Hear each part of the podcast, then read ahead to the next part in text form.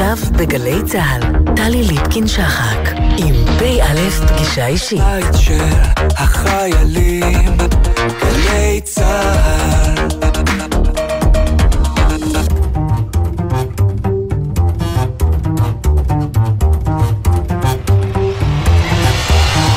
שלום לכם, ערב טוב. פ"א פגישה אישית משולשת בסופו של שבוע בו חרטנו בבשר נפשנו את זכר השואה, על סיפו של שבוע שבו יתרסקו לבבות מרוסקים משכבר, כשנתייחד עם נופלי מערכות ישראל ופעולות האיבה, וירחבו הלבבות לנוכח פלא התקומה. וכל המילים שנאמרו בשבוע שעבר, אשדות מילים, התמזגו עם אלה שעוד יאמרו בשבוע שיבוא. עד ייעלמו המילים תחת מסע הכאב, צער הפרידה, והערגה לימים של שלום, של חיים, של פריחה. פא, פגישה אישית משולשת, מתחילים.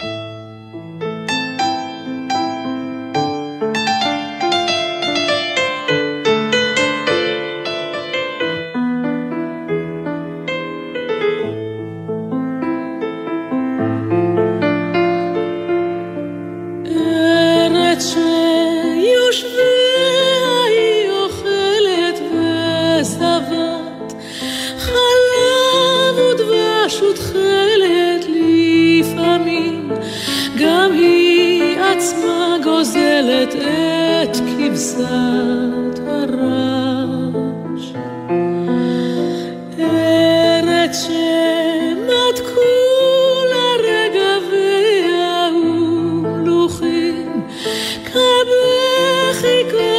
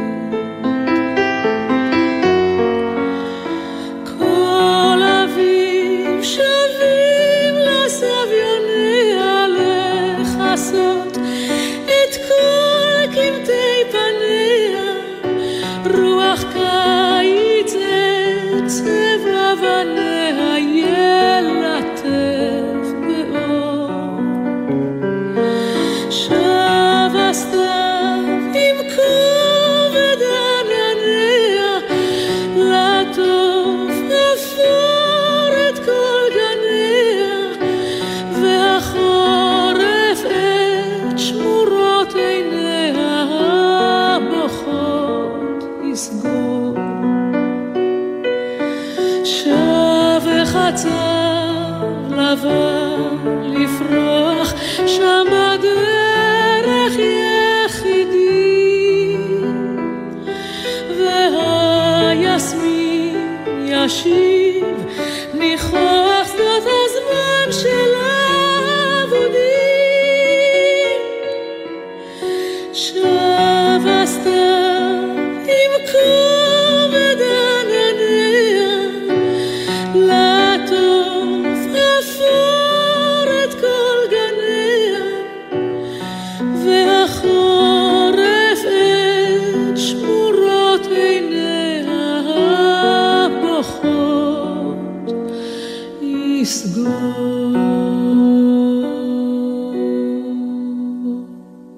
את התוכנית הזאת שבין יום השואה ליום הזיכרון ויום העצמאות, אנחנו פותחים ופותחות איתך, פרופסור לילך רוזנברג פרידמן, שלום לך. ערב טוב. את ראש המחלקה ללימודי ארץ ישראל והארכיאולוגיה באוניברסיטת בר אילן, ואת זו שיודעת לספר את סיפורן של 22 הלוחמות היהודיות בגוש עציון שנפלו שם. בקרב האחרון בכפר עציון, שהיה בד' באייר תש"ח, ממש יממה לפני אה, ההכרזה על הקמת מדינת ישראל. אה, נפלו אה, למעלה מ-120 חברים ומגינים, ובהם היו 22 מדינות, לוחמות. שתיים מהן היו באמת מחיש עציוני, אבל 20 היו חברות הקיבוץ, 18 מהן היו ניצולות שואה, שש מהן נצר אחרון, צעירות, דתיות, חברות קיבוץ דתי, שבע היו נשואות, אה, חמש מהן נהרגו עם בעליהן, נשואות ללא ילדים. אה, בשני מקרים בני הזוג ניצלו והן אה, נספו. והייתה גם אימא שנפלה. בין הנופלות הייתה אימא, ביחד עם בן זוגה נפלו והותירו ילד יתום. זה ממש מחבר בין עשרת ימי תשובה הציוניים, בין יום השואה ליום הזיכרון. כשאולי השאלה הראשונה המתבקשת היא איך זה שבמשך שנים לא ידענו את הסיפור הזה? או ידענו, או רק מיעוטנו ידענו את מיעוטו. אני אומר אפילו יותר מזה, שאני, אה, כן, בוגרת תנועת בני עקיבא לצורך העניין, את הסיפור של גוש עציון הכרנו היטב והיו לנו מסעות והיו לנו טיולים בעקבות הל"ה ולגבעת הקרב והחיזיון בכפר עציון.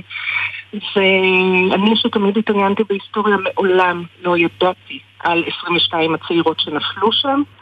לא היה יד ללוחמת הדתית או משהו כזה, זה היה סיפור ממש עלום, וכשאני התייחסתי לזה לראשונה, אז בדוקטורט שלי זה כבר היה לפני די הרבה שנים, זה באמת אה, הייתה חשיפה די ראשונה של הסיפור הזה. אה, ולמה זה לא היה בתודעה? יש לזה כמה סיבות. זאת אומרת, אני לא יודעת עד כמה בכלל החברה הישראלית הייתה חשופה לסיפור של גוש עציון, של נפילת גוש עציון. אפילו שזה ד' אייר, יום הזיכרון, כן? בדיעבד קשור גם לנפילה של הגוש. אז הן גם דתיות, הן גם נשים, הן גם ניצולות שואה, אה, סקטורים שהסיפור שלהם קצת הודר מהנרטיב המרכזי. את הסיפור של גיש עציון, מי שהכיר, וגם החיזיון שם, כן, או, או, וגם המחקרים ההיסטוריים עסקו בו בעיקר במבט מלמעלה. של ההחלטות הצבאיות, של ההחלטות המדיניות, ו- וככל שהלכה והתפתחה ההיסטוריה החברתית, ההיסטוריה במבט מלמטה, איך האנשים אה, והאנשים הרגילים התנהלו, אז פתאום אה, אה, נחשפו רבדים אה, נוספים, ובין היתר באמת הסיפור של נשים. ו, אה, אבל צריך להבחין גם בין היסטוריוגרפיה, כתיבה היסטורית, לבין זיכרון. איך החברה זוכרת את העבר שלה. זה לפעמים סותר את ההיסטוריוגרפיה, כן? האופן שבו החברה מספרת לעצמה את העבר שלה, שזה לצרכי ההווה ולצרכי העתיד. אנחנו רואים את זה בכל חברה בעולם, אפילו היום במלחמה בין רוסיה לאוקראינה, כן? איך משרטטים את העבר. וזה לא משהו שמתפתח באופן ספונטני. מה שאנחנו זוכרים או זוכרות זה לא במקרה. אה, וכאן באמת אנחנו רואים את שני התהליכים הללו, גם ההתפתחות של המחקר ההיסטורי וגם הזיכרון, האופן שבו אנחנו זוכרים את העבר משתנה, כאשר אה, היום פתאום, הרי מה שהיה בעבר היה, התרחש פעם אחת, אבל פתאום מתברר לנו שגם נשים היו שם, וגם ניצולי שואה היו שם, וגם מזרחים היו שם, וגם כל מיני קבוצות שלא היו חלק מהזיכרון הכללי. אז, אז זה שאנחנו זוכרים אותם היום זה גם בגלל מחקר היסטורי, אבל גם בגלל שהחברה היום מפנה מבט או מרכיבה משקפיים אחרים. אז ספרי לנו, פרופסור לילך רוזנברג פרידמן, משהו על 22 או אחדות מ-22 הנשים הללו. אה, נדמה שזה מתמצא בסיפור של ציפורה רוזנפלד, אה, שהוא טרגי במיוחד, אבל כל אחת ואחת היא סיפור חיים ענק. כל אחת מהן היא באמת אה, סיפור חיים, זה שהן ניצולות שואה, שורדות שואה, וכמובן אה, מוסיף אה, ממד אה, טרגי במיוחד לנפילה שלהן. מהו הדבר שבכלל הביא אותן לאחוז, להיות נשים לוחמות, לאחוז בנשק, או, או להיות חלק מהמערך okay. אוקיי. הזה, ו, וגם להטיל אה, את חייהן מנגד? אני אה, מוכרחה כאן לומר שזה לא, לא, לא מצאתי אצל אף אחת מהן, אה, כן טוב למות בעד ארצנו. אה, סיסמה כזאת. ציפורה רוזנפלד, יש כאלה שמצטטים אותה במהלך הקרב, אז כמובן אמירות אה, מורליות כגון אלה, אבל הן לא רצו למות, הן רצו לחיות בגוש עציון, זה היה הבית שלהן. והן היו שם ולחמו שם כי הם הגנו על הבית שלהם, וכי לא הייתה ברירה, וכי זה היה צו השעה. זאת הייתה מלחמת מצווה, הרבה אזורים בארץ היו חזית. הבית שלהם בגוש עציון היה בעצם בחזית, והם אה, נלחמו על הבית. עכשיו, את האימהות פינו קודם, בינואר כבר פינו עם הילדים, כי המצב שם הלך והחריף. פינו אותן בגלל המצב המשפחתי, בגלל שהן היו אימהות, לא בגלל שהן היו נשים. ואת הרווקות באמת, או הנשואות ללא ילדים, השאירו במקום. אה, ונשארו גם אה, כמה נשים, אה, גם כמה אימהות בהתחלה, עד שעזבו בלית ברירה כי הכריחו אותן, כי הן רצו להישאר, זה קיבוץ. והיה ברור להם שהן צריכות לשאת בנטל, הרי יש שם עשרות עשרות רבות של לוחמים, גם חברי הקיבוץ וגם לוחמים שהגיעו מבחוץ. מישהו צריך לדאוג לעזרה ראשונה, לדאוג לאוכל, לסייע בשמירה בעמדות, להחליף אותם. הם לא יצאו לשמור במשלטים מחוץ לנקודות האישור, אבל כן שמרו וכן חבשו, הם מילאו פונקציות שהיו מאוד מאוד חיוניות. דתיות, וזה היה להם ברור, ולכן הם נשארו, זה היה מובן מאליו שהם יישארו. מי שזה לא היה מובן מאליו לגביה זה ציפורה רונזנפלד, שהיא באמת הייתה אימא. והילד שלה פונה, אבל שוב, צריך לזכור שזה קיבוץ, ובקיבוץ ילדים גדלו בבית ילדים עם מטפלות, זה לא היה כזה מוזר, mm-hmm. כן, לא להתפנות עם הילדים, והיא סירבה להתפנות. היא, גם כתבה באחד מהמכתבים שלה שהיא מתלבטת בין החובות שלה, כן, ללוחמים שבמצור, לילד שלה, כן, היא ממש הייתה קרועה. והחליטה להישאר, אבל גם פה זה לא איזשהו רצון אה, להקריב את החיים על המולדת, זה, היא רצתה, ל... היו כל מיני שיקולים, שיקולים אישיים, היא לא רצתה להיפרד שוב מבן זוגה שכן אה, נפגשה איתו שוב אה, לאחר זמן רב שהם היו בנפרד, גם הוא ניצול שואה, שניהם נספו כמובן. והיו פה, ואחרי זה כבר אי אפשר היה, זאת אומרת היו פה באמת מכלול של שיקולים אישיים. ו... באמת כל אחת מהנופלות הללו הייתה לה אישיות, הייתה לה, אה, אה, היה לה את סיפור החיים שלה והם נקלעו שם למקום הזה, הם בהחלט רצו להגן על הבית שלהם. אנחנו רואים את השינוי בחברה הישראלית באופן שבו זוכרים אותן היום, לעומת העבר שלא זכרו אותן בכלל, כשהיום החיזיון בכפר עציון אה, נמצא שם במרתף של ה... אה, כן, במקום שבו היה המנזר הגרמני, בית הספר של המנזר הגרמני, כשבמרתף שלו אה, התרכזו הפצועים והתרכזו אנשים ושם הם, הרבה מהם נהרגו, שם המוקד של החיזיון האורקולי, והחיזיון הזה הוא חדש, והחיזיון הזה מספר את הסיפור, בשונה מהחיזיון שאני גדלתי עליו, של הקרב האחרון במבט מלמעלה, החיזיון עכשיו מספר את הסיפור מלמטה, סיפור אישי של אחת הנופלות, מההתחלה, משהיא מגיעה למקום ועד שהיא נופלת פה. זאת אומרת, זה ממש... ההיסטוריה לא השתנתה, המשקפיים באמת, אה, אה, באמת השתנו. עד כמה, אה, פרופסור לילך רוזנברג פרידמן, לשואה יש משקל והשפעה על האופן שבו הן אה, בחרו להישאר שם, אה, לא לוותר על הבית. אני לא מצאתי עדויות לכך אצלן. אני גם לא חושבת, שוב, זה, זה קיבוץ, זה לא היה כל כך נתון להחלטתן. זאת אומרת, ההחלטה של הקיבוץ הייתה שנשים נשארות שם. אז הם נשארו. אה, וזה הבית שלהן. אה, האמת שכפר עציון זה המקום היחיד שבו היה דיון בנוגע לפינוי האבות מהמקום, היו שם הרבה מאוד אבות, ובסופו של דבר עוד לפני שהתקבלה ההחלטה התרחש הקרב האחרון וכמעט כל האבות נהרגו, זאת אומרת כפר עציון נהיה קיבוץ של אלמנות ויתומים. אה, שזה סיפור טרגי בפני עצמו. כן. אבל הם נשארו שם, כי זאת הייתה החלטה, זאת אומרת לא מצאתי אצלן איזושהי דילמה, למעט סיפור רוזנפלד שכאמור התלבטה כי היא אימא, הייתה לה אופציה להתפנות. כן. אני למה? כן מצאתי את העבר שלהן, של השואה, דווקא בסיפור של השבויות, מכיוון שלמעט אה, אה, אה, כפר אצלון, ששם באמת אה, כולן אה, נהרגו, אה, למעט אחת, למעט עליזה פויכטנגר, אה, מגוש עציון היו 75 שבויות שנלקחו בשבי. אה, בסך הכל במלחמת העצמאות היו 96 שבויות. נשים. כמות אדירה של שבויות. נשים נגיד, שבויות נשים שנפלו בשבי, כן. נשים שנפלו בשבי, ושם, בדרך לירדן, לאום אל-ג'מאל, למחנה השבויים, שם יש באמת אזכור של ניצולות השואה, שדחוסות במשאיות ונוסעות לעבר יעד לא ידוע, ושם פתאום צפו הזיכרונות הקשים מאוד. אה, וזה הציף את העבר שלהם. למה, או עד כמה, חשוב לספר את הסיפור הזה היום, אחרי שהוא כבר מסופר, הוא כבר ידוע. זאת אומרת, כבר שינוי בחברה הישראלית מתחולל, ו- והמודעות קיימת, וחשוב לך לספר אותו אל תוך הסקטור הדתי בעיקר, למגזר הדתי? אה, אז זה, זה בכמה כיוונים. דבר ראשון, כהיסטוריונית, חשוב לי כמובן לחשוף למה שיותר פיסות מן העבר, אה, אה, כן, להביא אותן לתודעה. אבל בוודאי שכשעולות היום דילמות אה, במציאות החיים שלנו אה, חשוב בעיניי לפנות אה, מבט אל העבר ולנסות ללמוד ממנו, לנסות שהוא יאיר לנו באמת ולהניב ממנו תובנות, לא בהכרח לאמץ. זאת אומרת, אם למשל יש היום ויכוח, כן, את שואלת האם רק בסקטור הדתי, אז קודם כל לא, בכלל. יש היום ויכוח על שירות קרבי של נשים. כשאחד הטיעונים שעולה לדיון זה החשש מנפילה של חיילת בשבי.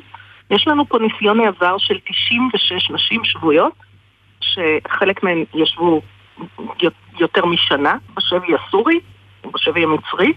אפשר ללמוד מההתנסות הזאת. אה, ולעומת זאת בדיונים, גם בבג"ץ של אליס מילר זה בכלל לא עולה, הסיפור שלהם לא עולה, הוא לא מוכר, הוא לא ידוע, יש לנו פה, כן, אה, מקרה מבחן פנטסטי. גם בהקשר של לוחמות דתיות, אה, כשהיום זו תופעה הולכת וגוברת, שעדיין, היום כבר פחות, שוב, כי שינויים חברתיים, mm-hmm. כהיסטוריונית אני יודעת, הם צורכים מלמטה, הם צורכים מהשטח. ורבנים שפעם נורא נורא התנגדו, היום כבר מיישרים קו עם התופעה, כי השטח מדבר. אבל הרבה צעירות דתיות צריכות היו, בוודאי בהתחלה, אומץ מאוד מאוד גדול לעשות את זה. עכשיו, כשאת שואלת לפעמים צעירות דתיות שמגיעות למיונים של קורס טייס, ואת שואלת אותם למה אתם כאן, אז הן אומרות תמר אריאל. Mm-hmm. תמר אריאל, זיכרונה לברכה, שהייתה הנווטת הדתית הראשונה, היא נר לרגלן. זאת אומרת, נשים ונשים צריכים איזשהו דגם לחיקוי או איזושהי דמות אה, ראויה. להערכה ללכת בעקבותיה. ופה יש לנו באמת סיפור של נשים שלחמו, שהגנו, אה, פטריוטיות, שלמרבה הצער גם קיפחו את חייהן, אבל יש לנו פה איזשהו דגם, איזשהו, אה, כן, להיאחז בו, וזה חשוב. כן? זה, זה אה, מסר חשוב. נאמר שעמותת אלומה שמלווה בנות דתיות המבקשות לשרת אה, בצה"ל, יחד עם בית הספר שדה כפר עציון ותנועת הקיבוץ הדתי, תקיים ביום אה, שלישי בבוקר, בערב יום הזיכרון, אירוע הנצחה בבית הספר שדה כפר עציון, וזה חלק מה... מהמסע וה, והשליחות גם להמשיך ולספר וגם לשנות מציאות. גם לתחושה ששוב רלוונטית לימים האלה שאנחנו נמצאים, שאנחנו חוליה בשרשרת. ואם אנחנו חוליה בשרשרת, יש משמעות למה שאנחנו עושים, ועשו את זה לפנינו, וזה נותן משמעות לעשייה העכשווית שלנו היום. פרופסור לילך רוזנברג פרידמן, ראש המחלקה ללימודי ארץ ישראל וארכיאולוגיה באוניברסיטת בר אילן, אני מודה לך מאוד שדיברת איתנו, שלום לך. תודה רבה.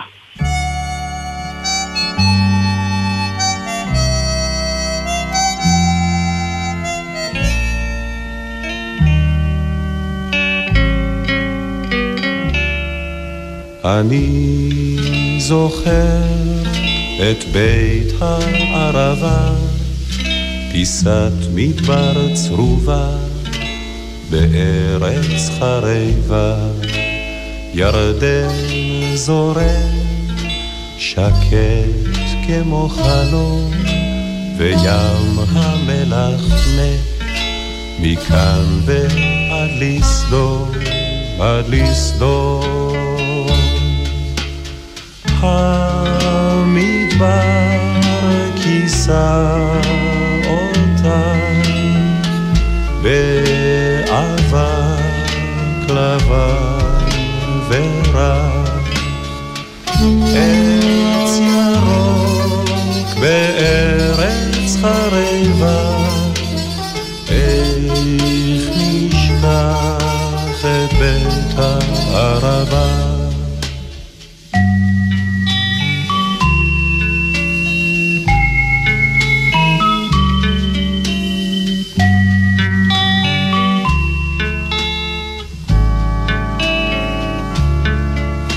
אני זוכר את ים המלח שם, המים הכבדים גלים בלחשם, אסדת אשלג לוהטת מן החור, וכל הנצורים עוברים את ים המוות לסדום. המדבר כיסה אותה באבק לבן ורק עץ ירוק בארץ חרבה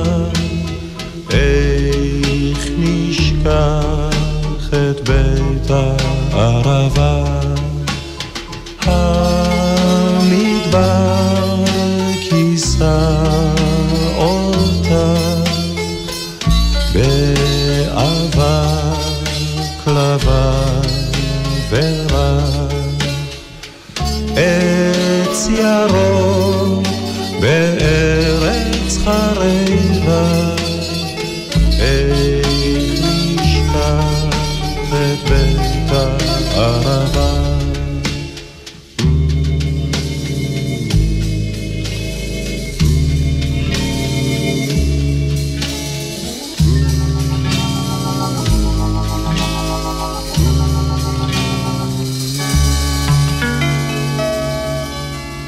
בין יום השואה ליום הזיכרון ויום העצמאות, אנחנו פונים אליך, ינון גוטל קליין, דוקטורנט לסוציולוגיה באוניברסיטה העברית בירושלים, חוקר זיכרון לאומי בבתי קברות פנתיאונים, שלום לך.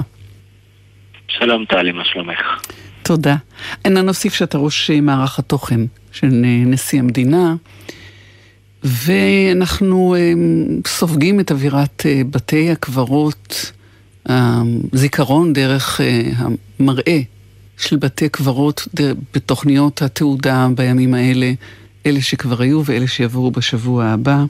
שאלה כללית אליך על מראה בתי הקברות באירופה שלפני השואה, לעומת בתי הקברות הצבאיים.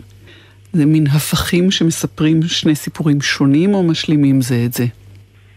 אני חושב שבסופו של דבר בתי קברות משלימים זה את זה, וזיכרון והנצחה יש, לו, יש להם איזושהי התפתחות, תמיד תהיה כזו.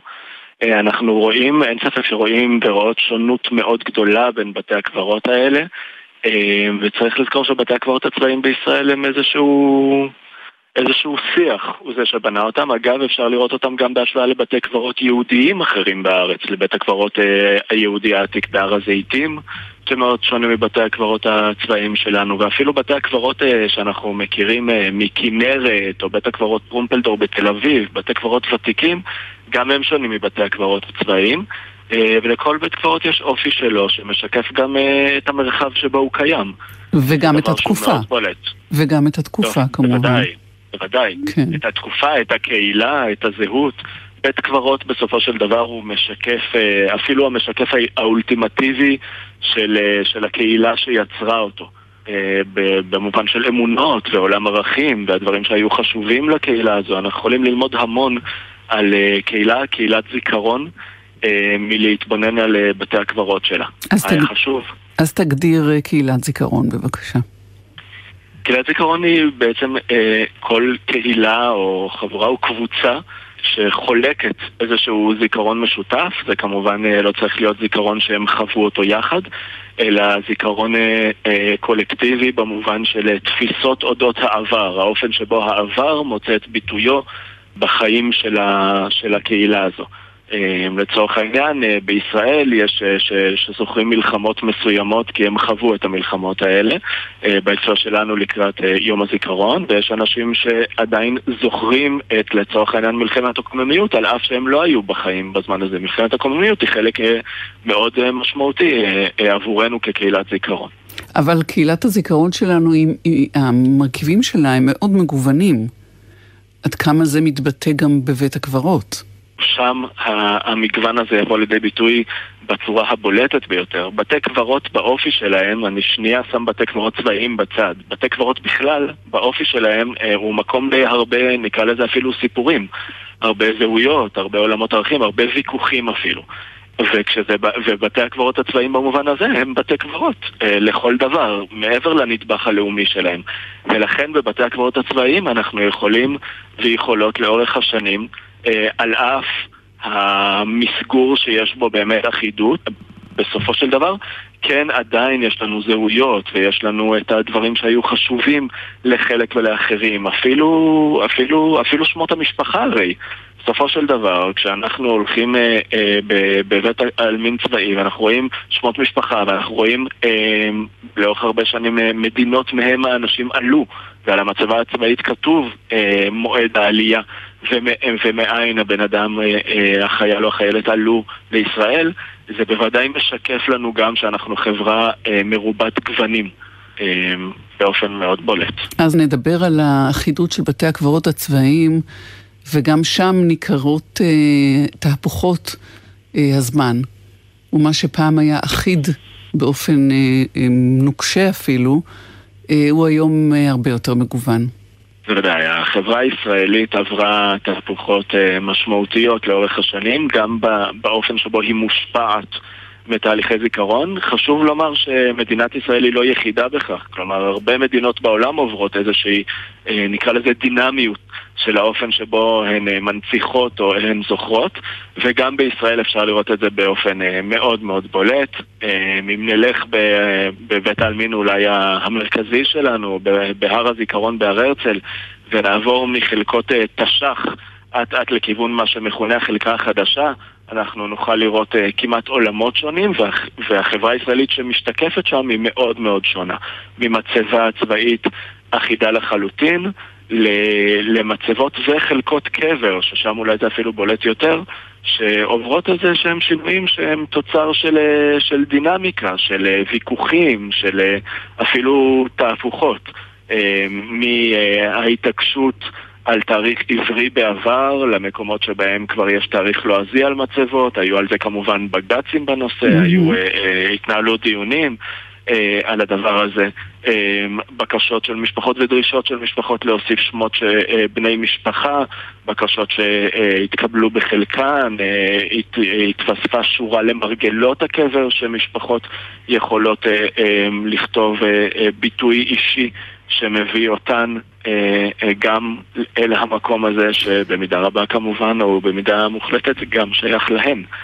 חשוב לזכור שלא לא מדובר כאן באיזשהו אלמנט חתרני של משפחות שמנסות לפעול תחת הזיכרון הקולקטיבי, אלא להפך, משפחות שלחלוטין, ברוב המוחלט, תופסות את עצמן כחלק מהזיכרון הלאומי ובצדק, ורוצות לבוא לידי ביטוי בתוך הדבר הזה. כלומר, זה איזושהי שזירה של הזיכרון הלאומי בתוך הזיכרון האישי, וזה כל פעם צעד לפה וצעד לשם, ושני צעדים קדימה וצעד לאחור, וזה דבר שהוא איזשהו דיאלוג או דו-שיח, אה, אפילו משא ומתן מסוים. אה, של איך זיכרון יבוא לידי ביטוי במרחבי זיכרון שהם גם לאומיים והם גם אישיים ומשפחתיים. אני, אני נזהר מלהגיד השכול כאילו יש בעצם שכול אחד. הרי ברור לכולנו, ואנחנו מכירות ומכירים את, את המצב בשטח, ובישראל באמת כולנו מכירות ומכירים משפחות שכולות. השכול הוא שכול שונה.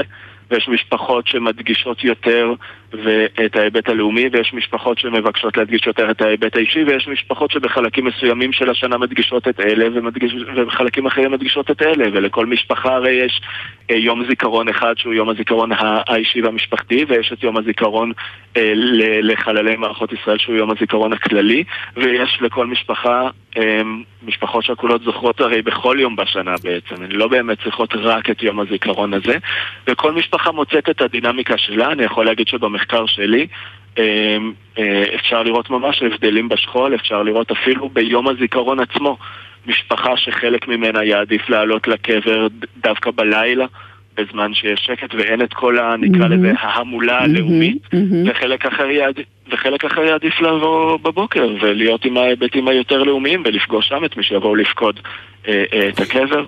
אנחנו, שכול זה דבר אה, מרובה, זה לא דבר אחד במובן הזה. אמרנו שאתה חוקר אה, זיכרון לאומי בבתי קברות פנתיאונים. אז הר הרצל הוא, הוא התגלמות אה, בית הקברות הפנתיאוני בתפיסה שלנו אותו, אבל בפועל, במה זה אומר? בית קברות פנתיאוני, במחקר שלי חוקר בתי קברות שיש להם נדבך לאומי, לאו דווקא צבאי. האמת שאם אנחנו רוצים או רוצות להגיד במשפט, הכי קל לנו להבין מה זה בית קברות לאומי, אה, כבית קברות שהחברה משתמשת בו אה, כדי, נקרא לזה, לכברת. אם בתי ספר הולכים לשם לסיורים, זה בית קברות לאומי. אם, אם הצבא ייקח לשם לסיור, זה בית קברות לאומי. יהיה לו תמיד איזשהו נדבך כמעט חינוכי לבית קברות פנתיאוני, במובן הזה. והכוונה להוציא ממנו את המחלוקות, או נאמר לקבור אותן שם. הוויכוחים קיימים. אפשר לראות אותם גם על המצבות. אה, בוודאי אפשר לראות שיש גוונים של זהויות וגוונים של ערכים וגוונים של אמונות.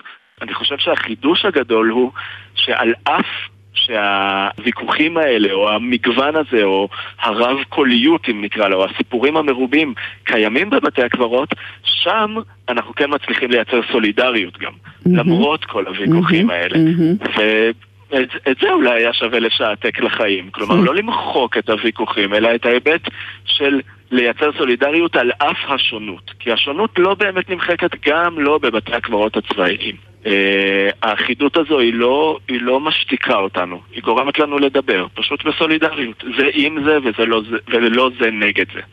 ועניין אחרון אה, שנוגע להליכה בתוך בית הקברות, לסיור בו, למפגשים בו, אה, של ציבור שמגיע ומקבל שם סיפור. למדריך יש תפקיד מאוד משמעותי כשהוא מסייר בבית הקברות. מה הוא מראה ואיך הוא מציג את מה שהוא מראה. באופן חד משמעי, יש לו, אה, לא עולה אה, בעצם את הכוח הכי גדול. כלומר, משפחה יכולה, וגם מדינה, יכולה להחליט כמה שהיא רוצה מה יהיה כתוב על המצבה, אבל בסופו של דבר מי שיוביל או תוביל את הקבוצה הזאת של 20 ו-30 ו-40, מבני נוער ועד גמלאים, מחיילים ועד אה, אה, מורים, מי שיוביל אותם זה המדריך או המדריכה, ויש להם תפקיד אה, מאוד מאוד מאוד משמעותי של מה לספר ועל מי לספר ואיפה לעצור והאם להעלות גם את המחלוקות או להעלות דווקא את הדברים שמאחדים אותנו, האם לייצר את הקונפליקטים או להשתמש בהם. אה, יש קבוצות שלמות של אנשים שיש להם כאן תפקיד אה, מאוד מאוד מאוד משמעותי. אגב, מסוללי השבילים ובקצה באמת המדריכים. כן, סוללי הכבישים קובעים לאן, אה, לאן ילכו רגלינו. ינון אה, גוטל קליין, דוקטורנט לסוציולוגיה באוניברסיטה העברית בירושלים, חוקר זיכרון לאומי בבתי קברות פנתיאונים, גם ראש מערך התוכן של נשיא המדינה. תודה שדיברת איתנו, שלום לך. תודה לך, טלי.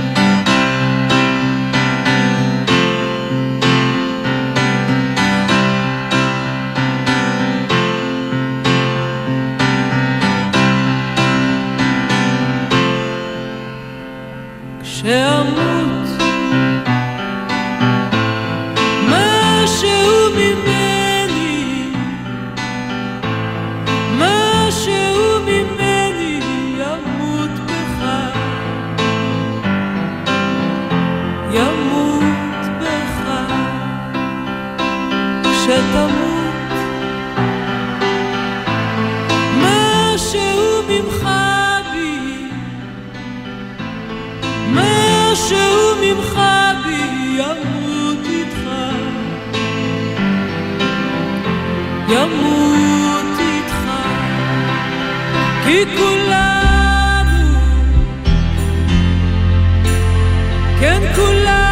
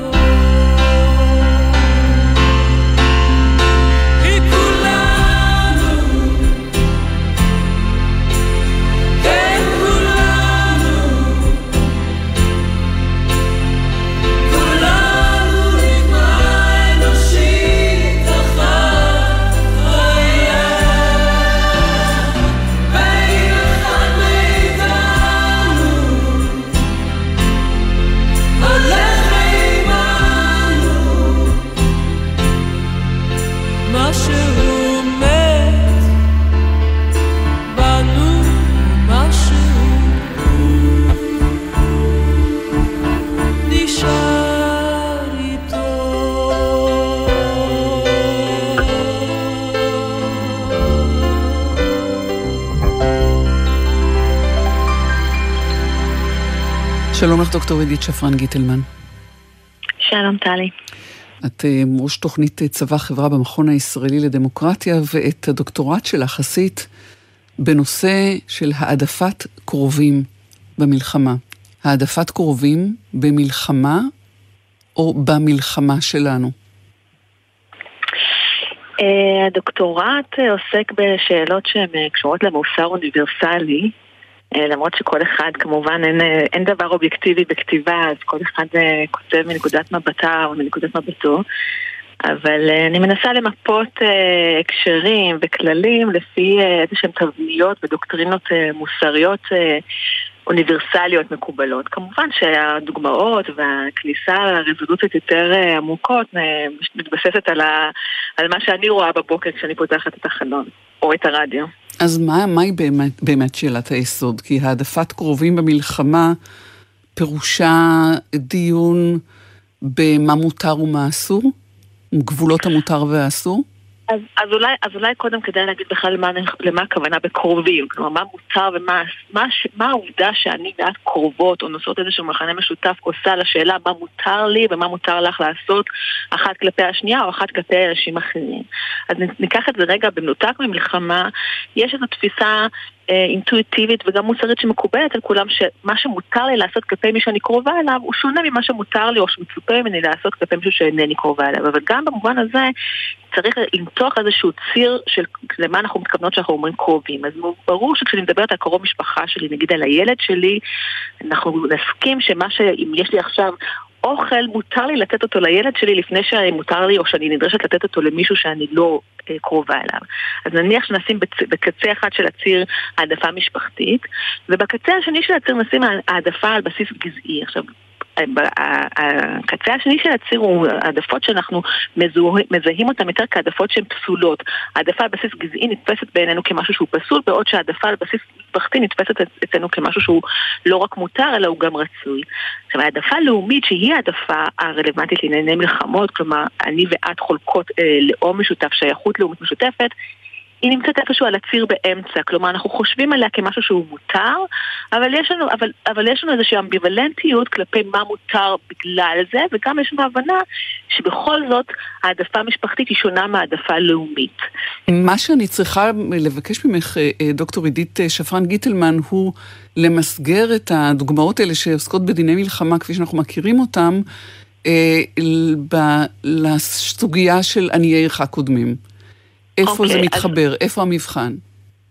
אוקיי, אז, אז, אז כמו שאמרתי בהתחלה, הסיפור של עניי ערך הקודמים, אה, הוא, הוא ממסגר לנו את ה, איזשהו היתר, שאני מכנה אותו היתר המסורתי, להעדיף את מי שקרוב אליי, ואם אני עכשיו חיילת בצבא ההגנה לישראל, ואני נמצאת בס, נניח בסיטואציה שבה אני צריכה לבחור בין להגן על אזרחים פלסטינים או אזרחים שאינם ישראלים לבין להגן על אזרחים ישראלים, מותר לי להעדיף את ההגנה על אזרחים ישראלים. וזה מה שנקרא ההיתר המסורתי, שמאפשר לנו, מכיר בכל מיני דברים שמאפשרים את זה שלא ניכנס אליהם עכשיו, אבל מכיר ב- ברעיון שמלכתחילה יצאתי למלחמה כדי להגן על בני עמי. הבעיה, הבעיה מתעוררת, והבעיה בשיח הישראלי הוא שהמסגור הזה הוא מאוד מאוד מטעה. כלומר, כולנו מסכימים שמדינת ישראל עכשיו צריכה להחליט האם היא נותנת שק אורז לאזרחים ישראלים או שק אורז לאזרחים שאינם ישראלים, מותר לה לתת את שק האורז לאזרחים ישראלים. אבל מה קורה שבמציאות שבה על מנת להגן על אזרחים ישראלים, מדינת ישראל צריכה לפגוע באזרחים שאינם ישראלים. וההבדל בין להגן ולא לפגוע הוא הבדל שיש לו שורשים מאוד uh, עמוקים בדוקטרינות uh, מוסריות. כלומר, לפגוע, לא לפגוע ולהגן זה לא אותה משפחה, פעולות הן חמורות מהיעדר פעולות, מעשה חמור ממחדל. ופה הרבה פעמים השיח מתבלבל, אומר, התפיסה האינטואיטיבית שאני עכשיו כחיילת מגינה על אזרחי ישראל, היא כאילו מאפשרת לי לעשות מה שאני רוצה, או במילים שהן פחות נעימות, הביטוי שאנחנו מכירים במאה אמהות פלסטיניות תבכנה ושערה משערות ראשו של חייל צה"ל לא ייפול, כי אנחנו עכשיו, הקם להורגך השכם להורגו, אני איך הקודמים, כל אחד יבחר את הציטוט שעליו אנחנו, עליו אנחנו עושים אה, רפרנסים בשיח ה... בשיח הציבורי שלנו. בדילמות האלה, כשאנחנו מתכנסים אליהם, פה עולות השאלות הקשות. ופה עולה השאלה עד כמה העובדה שחייל צה"ל נלחם כדי להגן על אזרחי מדינת ישראל, רלוונטית לשאלה מה מותר לו לעשות, ומה מותר ומה אסור לו לעשות. כשהתפיסה היא, שהתפיסה המקובלת היא מה שאנחנו מסגירים את זה הרבה בסיכום של Help your friends but do not harm your, your neighbors. כלומר, אתה יכול לעזור לחברים שלך, אבל לא במחיר של לפגוע במישהו אחר. גם אני כאימא, חס וחלילה הבן שלי זקוק לכליה, אם אני עכשיו אלך ואהרוג מישהו כדי לקחת את הכליה שלו, למרות שאולי הרחמים של כולם אה, יחוסו עליי וכולם אה, אה, יגלו הרבה אמפתיה, אני אחשב כמי שעשתה משהו שהוא לא בסדר, משהו שאנחנו מצפים מהאדם המוסרי לא לעשות.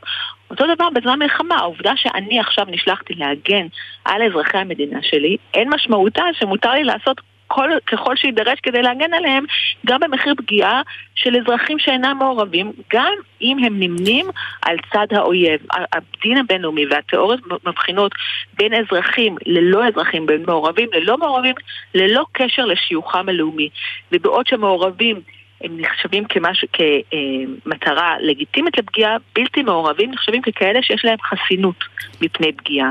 ועל החסינות הזאת, גם אם המדינה לא, חי... לא מחויבת בהגנה על אזרחים שאינם אזרחיה, את החסינות הזאת היא חייבת לכבד. יש אה, סקר שעשיתם, אה, גיליתם שמרבית הישראלים מפרשים עניי עירך הקודמים אה, באופן שמרחיק או מותח מאוד את הגבולות. נכון, אנחנו באופ... אה, באופן, האמת שהוא אותי הפתיע בהיקף שלו כשאנחנו שאלנו בדיוק את השאלה הזאת. כלומר, ואולי כדי לא לשים את זה, להוריד רגע את הדיון הגבוה גבוה על המציאות שלנו, בסוף, בסוף הדילמה הזאת פוגשת אותנו כשאנחנו נדרשים לסכן חיילים על מנת לצמצם פגיעה בקרב אזרחי האויב.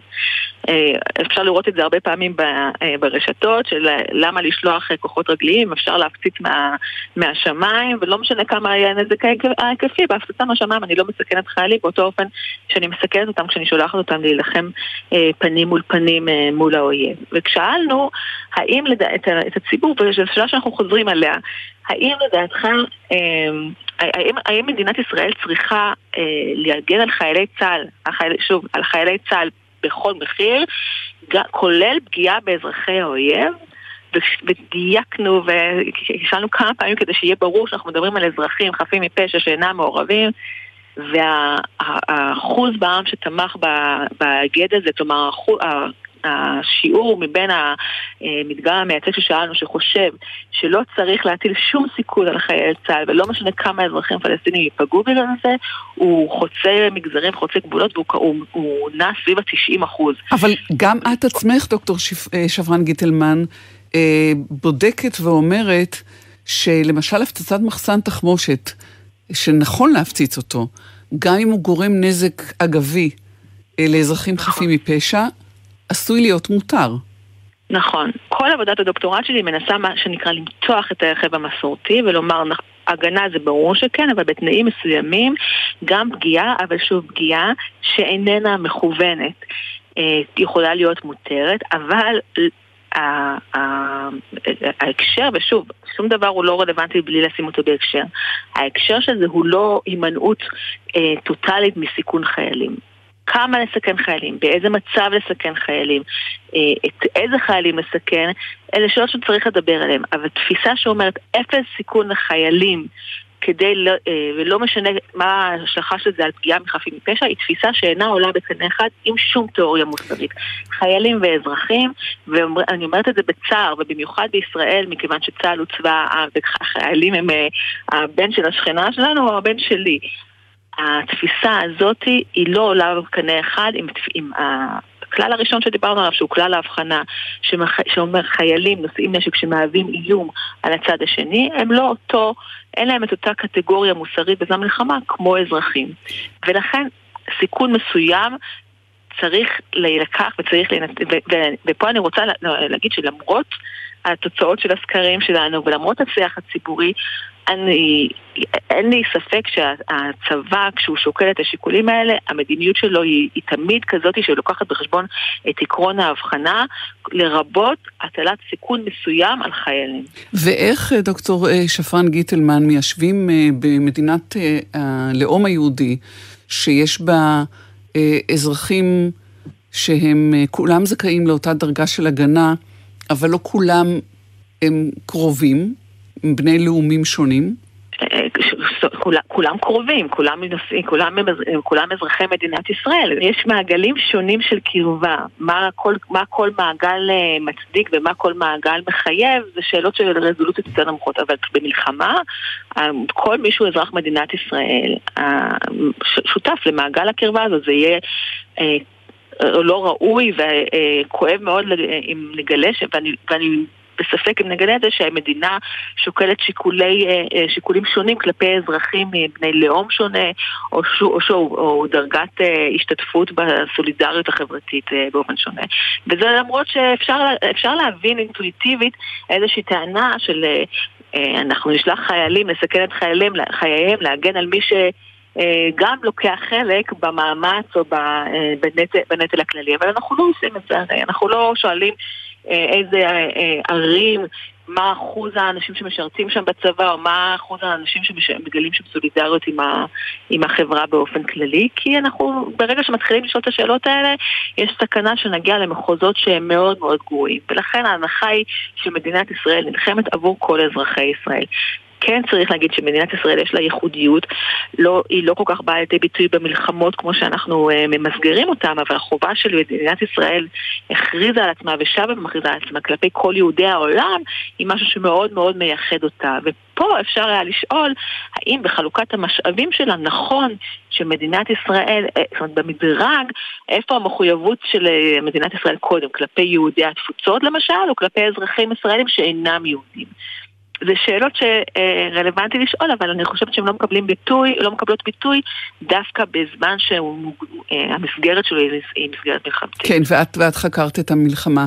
דקה לפני שניפרד, בכל זאת שאלה שנוגעת לש... לדיון האוניברסלי או הבחינה האוניברסלית שעשית במסגרת העבודה שלך,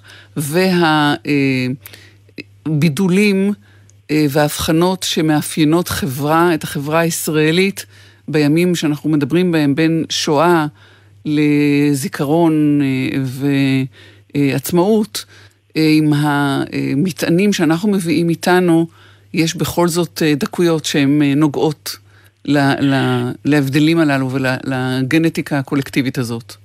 נכון, אני חושבת שאפשר היה אה, לקחת את הרגישויות והמורכבויות האמיתיות האלה לשני, אה, לשני כיוונים. יש את הכיוון שאנחנו לצערי הרבה פעמים הולכים אליו, הוא תחושת הרדיפה הכללית ותחושת הקורבנות הכללית שחוש, שלפעמים נוטעת בנו איזו תחושה שבגלל זה מותר לנו לעשות דברים אחרי, אחרים. בגלל זה הקם להורגך השכם להורגו, כולל גם הקם להורגך השכם להרוג את כל מי שלידו. אפשר היה גם לחשוב לקחת את זה למקום של הבנה של מה זה אומר לנהוג באופן שהוא נושא פנים אה, כלפי אה, קבוצות אח... שלא אה, אה, שלא היה ראוי לשאת כלפיהם פנים. היה אפשר לקחת את זה למקום של הבנה של מה מחיר מלחמה יכול להיות אה, על האנושות כולה. ה- הימים, הרגישויות, ובאמת, אה, אין, אין מה להתווכח על העובדות, עם ישראל ידע אה, מלחמות ורדיפות קשות לאורך ההיסטוריה ואי אפשר להתכחש לזה. אבל אנחנו נמצאים כמה שנים טובות אחרי הקוממויות של המדינה, אי אפשר להמשיך להתנהל כשמדינה היא מדינה ריבונית עם צבא כל כך חזק ועם, אה, אה, לא, אני לא רוצה להיגרר פה לקלישאות של לעומת הייטק וכל העם הספר, אבל באמת שמדינה אה, שנושאת את ה, בצדק את הקוממיות שלה בגאווה כל כך, אי אפשר להחזיק את החבל הזה בשתי קצותיו. מצד אחד, ללכת בראש כל כך מורם בצדק ולגלל את, את, ה, את החוזק שלנו ואת האחווה שלנו ואת היכולות שלנו, אבל מצד שני להמשיך להתנהל באופן שהוא כל כך רדוף, כאילו כל אימת שאנחנו מתנהלים באופן שהוא מוסרי ולוקח בחשבון שיקולים הומניטריים בסיסיים, אנחנו עוד רגע מאבדים את הריבונות אה, על מדינת ישראל. דוקטור עדית שפרן גיטלמן, המכון הישראלי לדמוקרטיה, תודה לך על השיחה הזאת. שלום. תודה רבה. הלוואי ומענן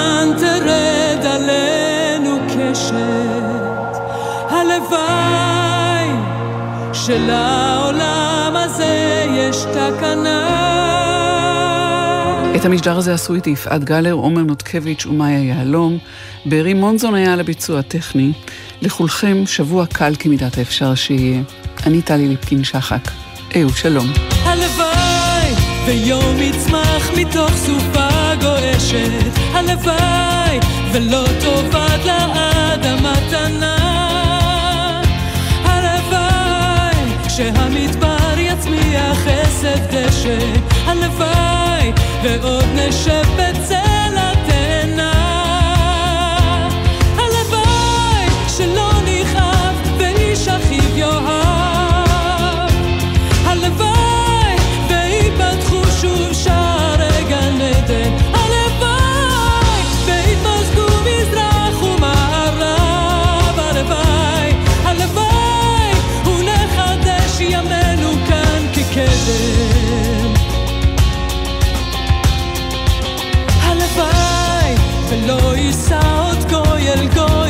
quieres.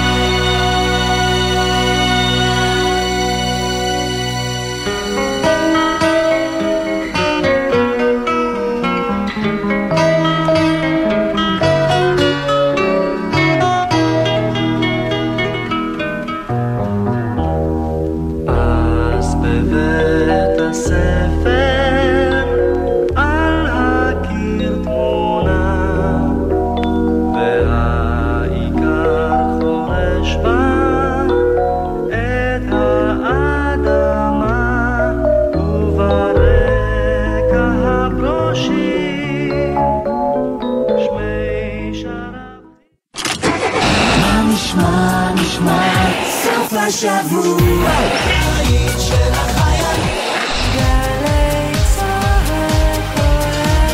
גלי צה"ל, יותר מ-70 שנות שידור ציבורי.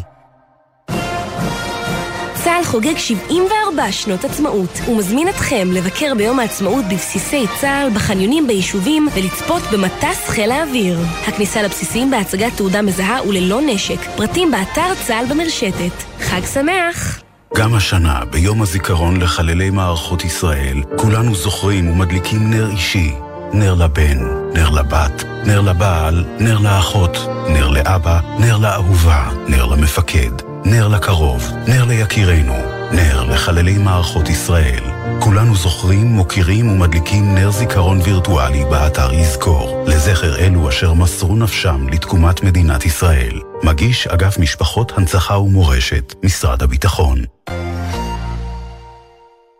יום העצמאות ה-74 בגלי צה"ל. בחמישי, ב-8 בבוקר, גל עברי ירוק, בשידור מיוחד מטקס מצטייני הנשיא בבית הנשיא עם הבחירות של החיילים המצטיינים. ב-12, לוסי האריש וג'קי לוי מניידת השידור של גלי צה"ל בבסיס תל נוף עם החיילים, המפקדים והמשפחות החוגגות. וב-2, בן וקובי פראג' וכתבי גלי צה"ל עם המבלים בפארקים בטבע ובגנים. חוגגים עצמאות בגלי צה"ל.